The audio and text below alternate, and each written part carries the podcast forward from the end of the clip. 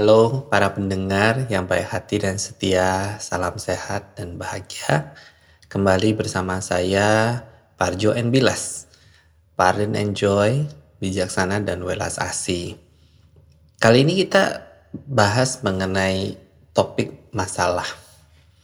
Simple ya, namanya masalah. Ada kata di mana masa, masa berarti waktu, periode, nalahnya itu pasti berlalu lah gitu ya.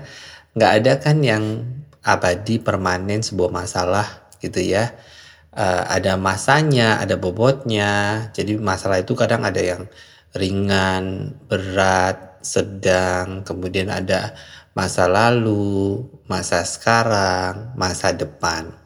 Nah, dengan periode yang berbeda-beda itu jelas bahwa sebuah kehidupan adalah sebuah proses ya.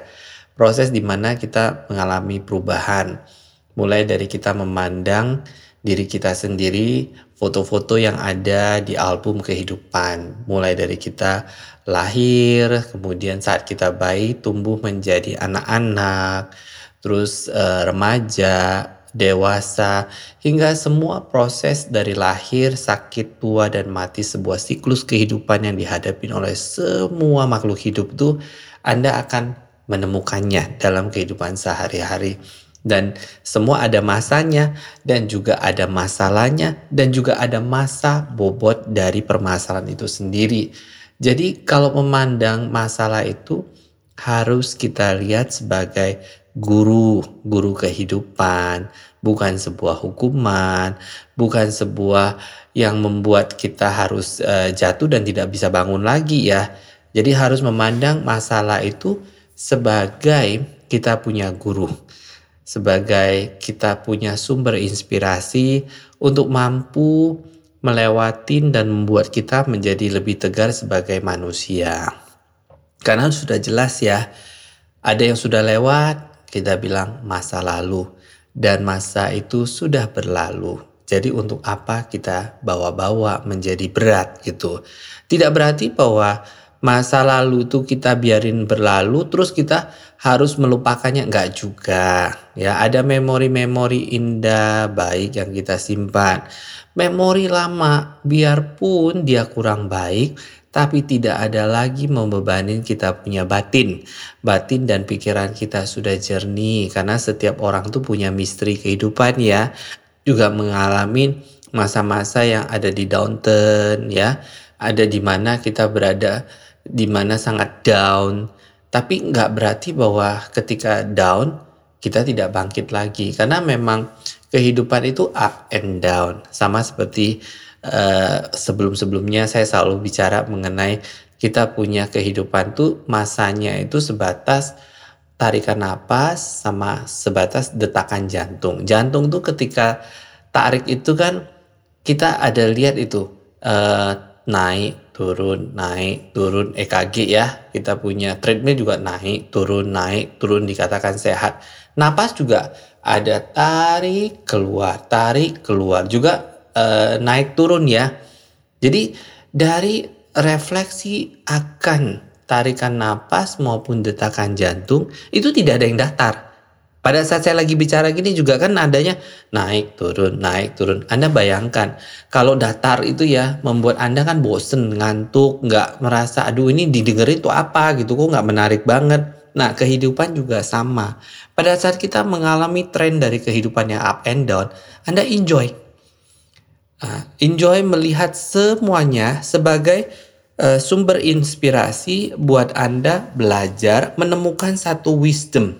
Karena wisdom itu kadang lahir di saat Anda mengalami keterpurukan juga ada wisdomnya. Saat ada di peak sukses juga ada wisdomnya.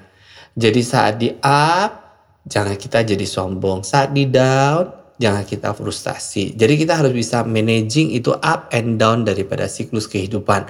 Baik pada saat kita lihat ya, bayi proses dia untuk bisa belajar jalan, berapa banyak itu bayi jatuh bangun.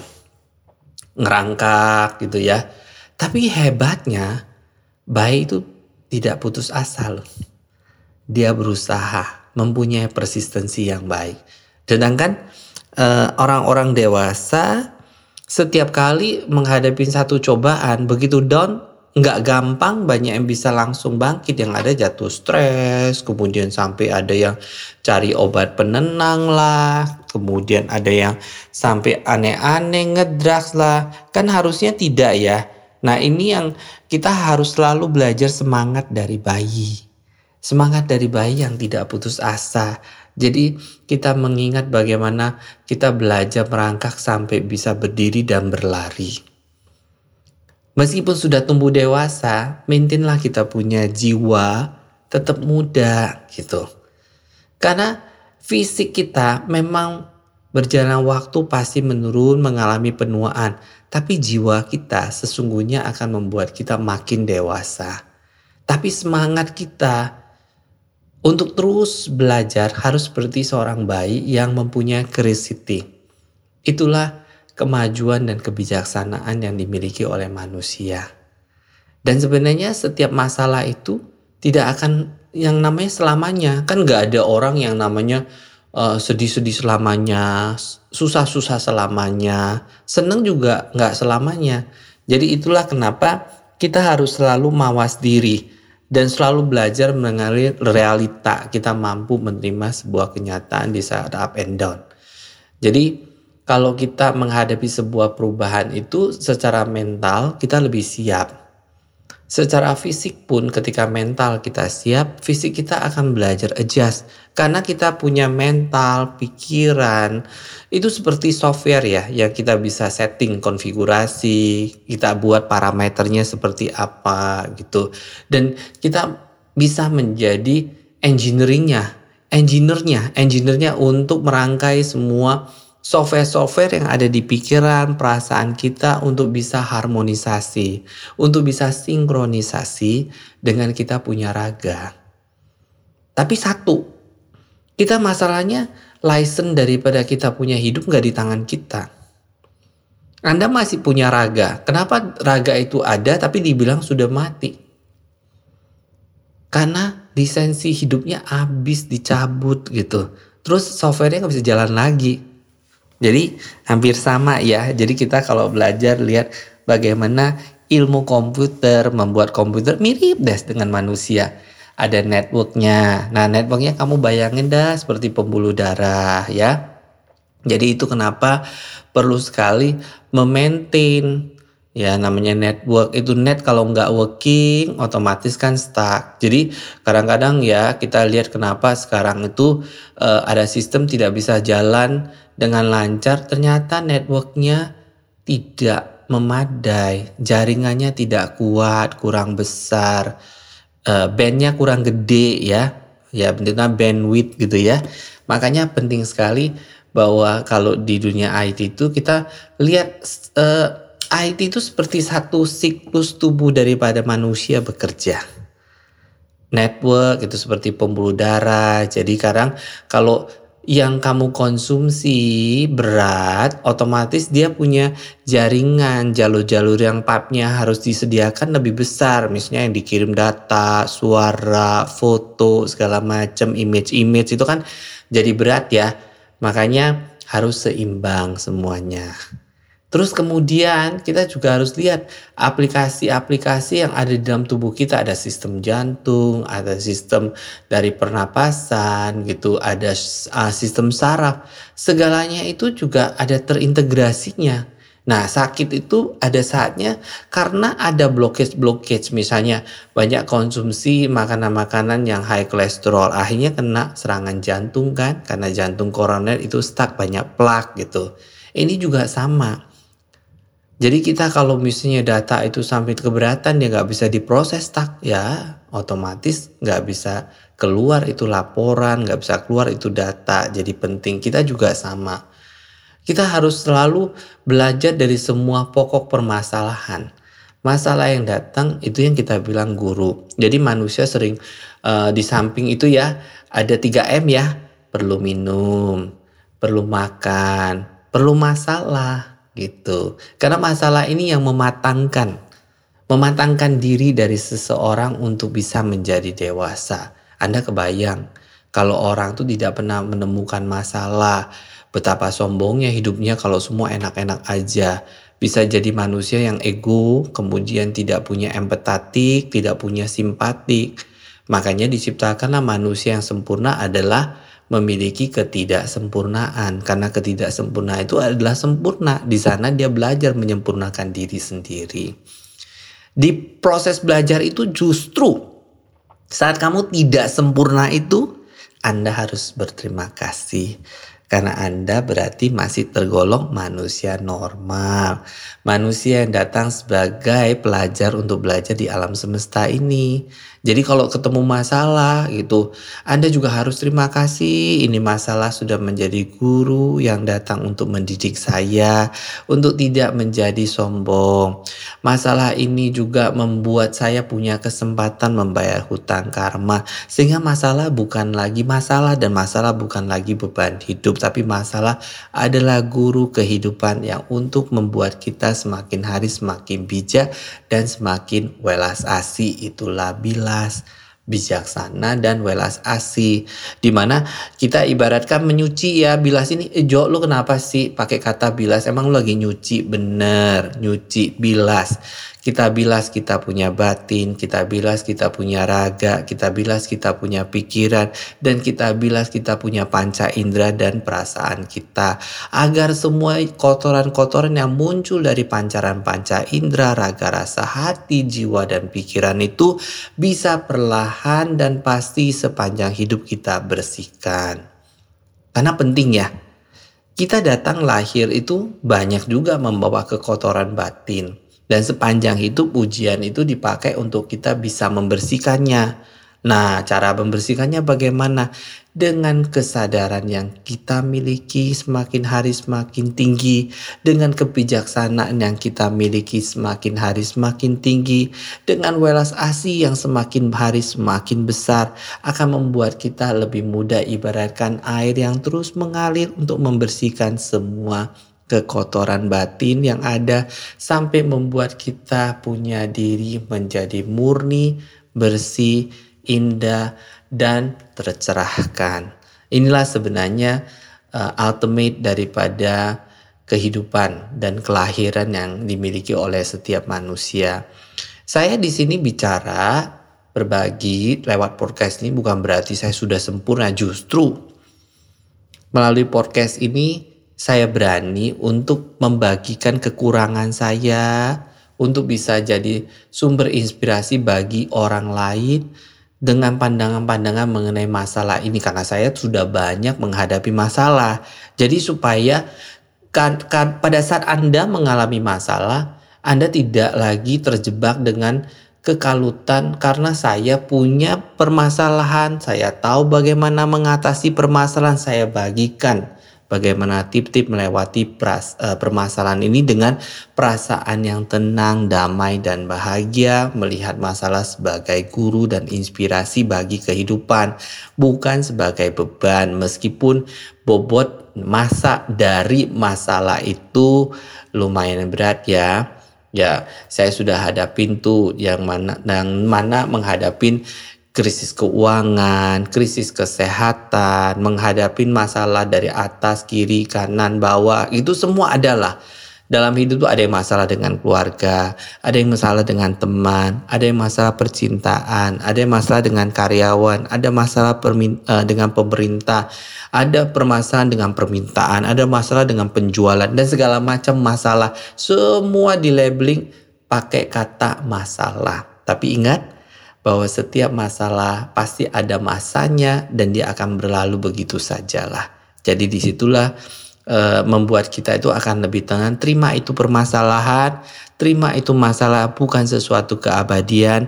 Terima masalah itu sebagai guru kehidupan sehingga setiap masalah yang datang biar berapapun dia punya bobot, berapa berat pun dia punya masa, dia pasti ada masanya untuk berakhir dan berawal. Jadi setiap hari itu kita pasti akan diuji ya.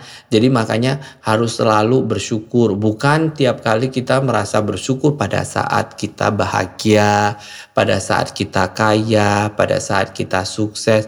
Belajarlah untuk bersyukur even pada saat kita menghadapi masalah. Bersyukur itu sangat sederhana ya, bukan bicara mengenai sudah kaya, sekali duit banyak, jabatan tinggi, baru kita bersyukur. Saya sederhana setiap hari ya, kalau napas masih bisa ditarik, jantung masih berdetak, makan tidur bisa, buang air besar kecil bisa, sampai bisa kentut aja. itu juga harus bersyukur. Anda kebayang ya, ada orang yang nggak bisa kentut aja, nggak bisa buang gas itu menderita loh sampai dia harus ke rumah sakit dan bayar. Ada yang nggak bisa napas itu harus bayar pakai tabung, tabung oksigen sehari berapa duit itu?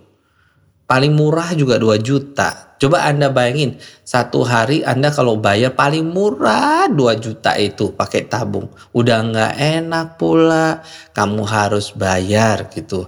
Tapi hari ini ya, Anda harus menjadi orang yang merasa kaya sekali bahwa Anda masih bisa napas. Alam semesta itu kasih udara, kasih oksigen, kagak bayar pakai tabung-tabung gitu. Ya, udah kasih matahari juga nggak ada kirim tagihan per KWH berapa. Udah kasih injekan aja nih bumi itu. Kagak ada juga tagihan. Ya cuman ya karena ada PBB aja jadi harus bayar gitu kan. Tapi alam semesta sebenarnya tidak pernah ngecas kita loh. Ya. Jadi di dunia fana ini manusia itu buat bisnis untuk dia punya kehidupan. Tapi sebenarnya kehidupan di alam semesta itu diberikan dengan penuh welas asih dan gratis. Jadi Anda harus selalu bahagia ketika bisa napas, ya. Anda bisa jantung berdetak, masih bisa mata melek melihat matahari. Jadi bersyukur itu sangat sederhana ya. Ngelihat aja di sekitar, nggak usah yang sampai heboh cari reason-reason untuk sederhana uh, syukur seperti apa. Sederhana lihat matahari kamu bersyukur, lihat ada orang di sekitar kita bersyukur. Kebayang ya? Kalau misalnya kamu hebat, berhasil, tapi orang udah nggak ada gitu loh. Kayak sendiri, bingung gitu. Jadi ketika melihat manusia lain juga ya kamu syukurin. Oh ada keramaian, masih ada kehidupan, masih ada sosial. Jadi di mana pun Anda bisa bersyukur. Dalam bentuk apa pun bisa bersyukur. Even hanya melihat tong sampah itu harus bersyukur ya. Saya ada satu ketika gini. Kesel saya tiap kali kok kayak tong sampah. Setiap kali aja ada masalah semua dibuang. Ingat ya, yang namanya di keluarga, di pekerjaan, perusahaan, pasti ada yang orang merasa atau lu berasa berat. Gila ya ini kerjaan tiap kali main buang-buang aja ke saya gue udah kayak tong sampah aja kayak recycle bin aja gitu ya kan orang ngomel gitu ya. Tapi harus ingat loh, satu ketika ketika saya ngoceh-ngoceh gitu ya kesel ya, eh saya bersujud lah, uh, aduh ini kenapa ya begini, muncullah sang Dewi welas asih memberitahu, Jo, kamu harus bersyukur kalau jadi tong sampah. Kamu kebayang gak? Dunia tanpa tong sampah itu seperti apa? Bisa jadi polusi, itu sampah berceceran. Kamu lihat tong sampah itu kosong kan? Ada yang besar, ada yang kecil. Nah kosong itu diisi. Nah itu semua kotoran kalau kamu serap itu diisiin. Kamu juga akan jadi belajar bijaksana gitu.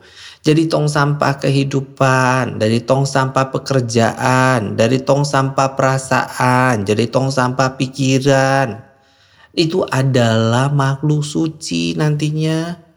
Kamu kebayang tuh. Ya semua makhluk suci yang ada di alam semesta ini mereka juga kayak tong sampah.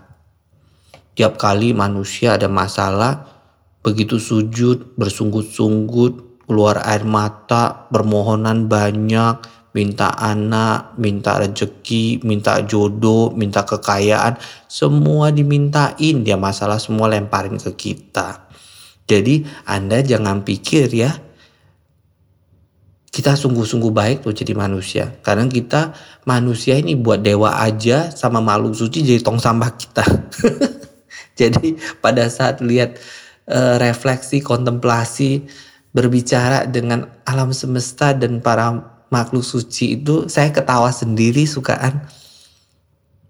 Eh ternyata benar ya Jadi semakin tinggi kita punya posisi, semakin tinggi kamu punya jabatan, belum tentu semakin uh, apa ya, belum tentu kita harusnya belajar lebih melayani dah gitu, lebih melayani, lebih bahagia, lebih besar kita punya tong kehidupan, sehingga kebijaksanaan itu baru lahir. Caranya bisa gimana? Balik lagi ya pardon, enjoy. Bijaksana dan welas asih, parjo dan bilas. Jadi kalau misalnya kita jadi tong sampah, sering disakitin, sering diludahin, sering dibuang gitu ya semua kotoran.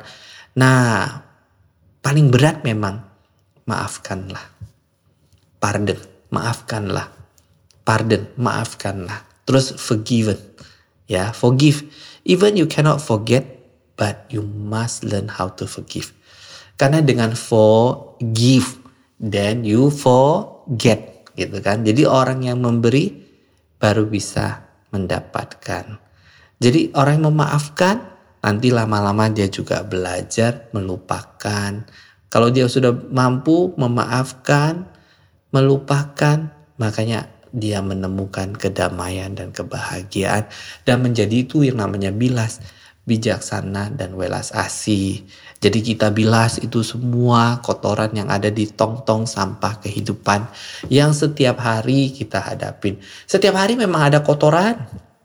Makanya kita mandi. Kita sikat gigi gitu ya. Kita semua kita bersihin, kita punya raga, rasa, hati, jiwa, pikiran, panca indera semua kita sikat, kita bilas, kita bersihkan. Jadi Anda kebayang gak? Setiap hari ya, Anda kalau misalnya makan aja, tapi tidak bisa dibuang, jadi penyakit. Anda minum tidak bisa kencing, juga jadi penyakit. Memang harus mengalir, harus flow, ada yang masuk, ada yang keluar. Jadi demikian juga ketika ada masalah, ada in, kamu proses, ada yang out, jangan dipendem. Jadi penyakit apalagi kebencian, masalah yang menimbulkan kebencian, masalah yang menimbulkan kemarahan, ya masalah yang menimbulkan kedengkian hati, masalah yang menimbulkan kegelapan batin harus cepat segera dicabut dan jangan disimpan menjadi akar pahit daripada kehidupan yang kelak akan menjadi kanker bagi kehidupan. Caranya gimana? Kembali lagi. Pardon, enjoy jadi memaafkan tuh seperti Anda apa ya? membersihkan, kena siraman, siraman air yang baik dan suci untuk bisa menjadi manusia yang bijaksana dan welas asih. Nah kalau udah bisa bijaksana dan welas asih itu Anda mempunyai tong kehidupan yang sangat besar bisa menampung. Ya, jadi Anda lihat ya, kalau orang kaya itu kan Uh, sebelumnya saya cerita ya yang mengenai kosong isi kosong isi. Jadi orang kaya kosongnya banyak, nolnya banyak. Semakin kaya semakin besar dan semakin banyak dia punya kosong. Jadi Anda mau jadi orang kaya, Anda harus mampu mengosongkan. Tapi setelah kamu punya kekayaan, kamu harus mengisi dengan kebaikan. Jadi ilmunya cuman kosong dan isi, isi adalah kosong. Orang yang penuh dengan isi, tapi juga tidak boleh diisi dengan kesombongan dan tinggi hati. Justru harus dia kosongkan. Orang yang punya isi akan kepinteran, dia juga harus berbagi. Makanya kita belajar kan matematika sederhana, tambah, kurang, kali, bagi, sama dengan. Ya, semua simbol-simbol matematika kehidupan itu sangat sederhana pada saat Anda misalnya makan, makan kan dibilang jangan berlebihan. Karena kalau nggak bisa kebuang jadi penyakit. Minum-minum juga jangan berlebihan. Kalau sampai kerendam itu ginjal jadi berat kerjanya juga jadi penyakit. Makanya segala sesuatu harus kita mengikuti jalan yang tengah, jalan yang benar, ya jalan yang masuk akal dan tindakan juga serta pikiran dan ucapan yang baik supaya kita mendapatkan kesehatan yang baik, batin yang tenang dan juga bahagia. Jadi ingat ya, kalau misalnya kita ingin belajar, belajarlah mengatasi dan menerima kenyataan bahwa masalah adalah guru dari kehidupan, bukan dianggap masalah sebagai beban dari kehidupan. Pada saat persepsi, kita punya pikiran, kita punya mind setting, masalah adalah beban, maka yang timbul timbangan-timbangan daripada beban sebuah kehidupan dan bobot daripada beban itu masalah yang membuat Anda untuk jalanin aja susah karena bagasinya jadi berat mau terbang susah. Kalau Anda melihat masalah sebagai guru kan lain. Jadi dia jadi sumber inspirasi untuk belajar. Misalnya kita bicara mengenai masalah keuangan Keuangan masalahnya di mana? Apa masalah cash flow? Nah, masalah cash flow, masalah likuiditas. Apa itu permasalahannya? Kita lihat aja itu cairan yang ada di gelas. Kalau air dituang di gelas, dia berbentuk gelas. Air dituang ke mangkok, berbentuk mangkok.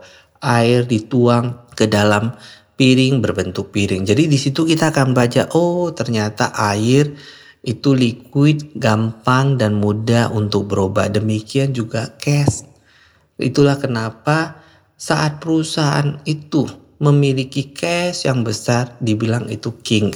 Karena ternyata gampang sekali dirubah. Eh ini uang kalau dia di tangan kan bisa dirubah menjadi properti dan itu orang bilang investasi di properti karena properti misalnya kalau lagi jatuh dia konversi uangnya menjadi properti ada yang berbentuk saham uangnya di liquidity di liquid dikonversi menjadi saham jadi macam-macam nah jadi kita kalau melihat semua masalah kalau dilihat kayak begitu eh ternyata masalah keuangan menjadi guru investasi buat kita Masalah kesehatan kita analisa lagi. Itu kesehatan yang nggak sebut sehat itu apa? Oh misalnya darahnya tinggi. Nah kalau mau direndahin seperti apa? Kurangin misalnya konsumsi yang namanya garam. Terus kemudian harus rajin olahraga. Kemudian kontrol emosi sehingga tensi darah bisa menjadi turun. Jadi akhirnya Masalah yang kesehatan tadi menjadi guru kesehatan. Masalah keuangan menjadi guru keuangan. Kita ini adalah manusia dari kumpulan. Kita punya memori, kita punya masalah yang menjadi buat kita seseorang yang berbeda dan unik gitu loh. Jadi orang yang mengalami kumulasi daripada masalah itu pada akhirnya akan memberikan dia wisdom untuk menjadi orang yang lebih bijaksana, baik hati, dan juga mampu menemukan kebahagiaan sejati.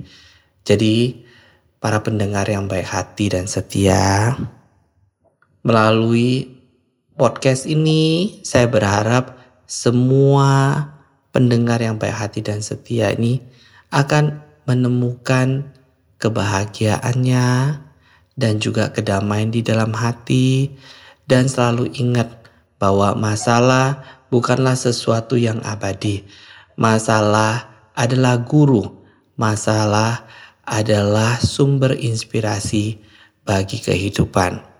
Terima kasih, sampai jumpa, dan semoga dengan podcast ini Anda akan menemukan kesadaran yang tinggi Bersama saya, Parjo N. Bilas, Paren Enjoy, Bijaksana dan Welas Asih. Sampai jumpa. Terima kasih.